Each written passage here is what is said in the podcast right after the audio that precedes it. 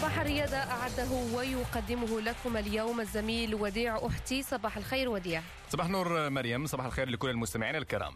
إذا وديع البداية مع تواصل الجدل بخصوص مكان ونظام إجراء نصف نهائي دوري أبطال أفريقيا لكرة القدم بعد اعتذار الكاميرون عن تنظيم الحدث القاري سابقا. بعد الأخبار المتداولة بخصوص اتخاذ الكاف قرارا جديدا يقضي بإجراء مباريات المربع الذهبي مجددا بنظام الذهاب والإياب وإلغاء نظام البطولة المصغرة في أعقاب اجتماع لجنة المسابقات أول أمس الاثنين خرج كونستان أوماري رئيس لجنة المسابقات في الاتحاد الإفريقي لكرة القدم الكافة لتأكيد على أنه لم يتم اتخاذ أي قرار رسمي حتى الآن بشأن العودة إلى نظام الذهاب والإياب.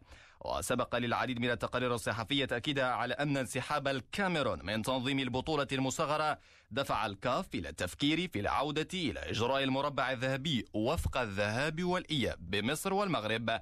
ومن المرتقب أن تحسم الكاف هذا الأسبوع القرار النهائي بخصوص هذا الجدل القائم والمتواصل نستمع في هذا الإطار لكونستان أوماري رئيس لجنة المسابقات في الكاف في تصريح خاص لقناة تلفزيونية مصرية. عقدنا اجتماعا عاجلا في لجنة المسابقات الخاصة بالبطولات الإفريقية للأندية. وطيلة الاجتماع ناقشنا وتباحثنا في مختلف المنافسات الكروية القارية. ولم نتخذ أي قرار بخصوص دوري الأبطال. خلاصة اجتماعاتنا سيتم تقديمها للجنة التنفيذية للكاف ولجنة الطوارئ والتي تمتلك كامل الصلاحية لاتخاذ القرار المناسب. عينت في العديد من وسائل الإعلام أن الكاف ألغت نظام البطولة المصغرة في دوري أبطال إفريقيا.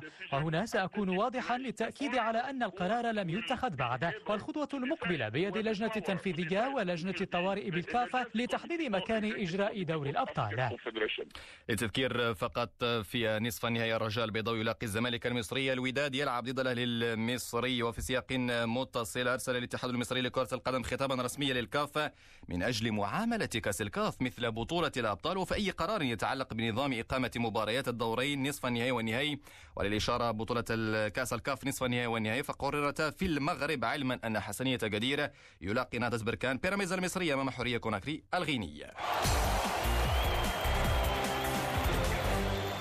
نسيل رحلتنا في الدورية الأوروبية من الدور الإنجليزي الممتاز لحساب الجولة ما قبل الأخيرة بعد سنوات عجاف يتسلم ليفربول اليوم في قمة أمام تشيلسي درع الدوري الإنجليزي الممتاز للمرة الأولى منذ ثلاثين عاما الليفر الذي كان يومني النفس باحتفالية حمراء مع جماهيرها حكمت عليه أقدار فيروس كورونا برفع الكأس أمام مدرجات خالية وبحضور البلوز.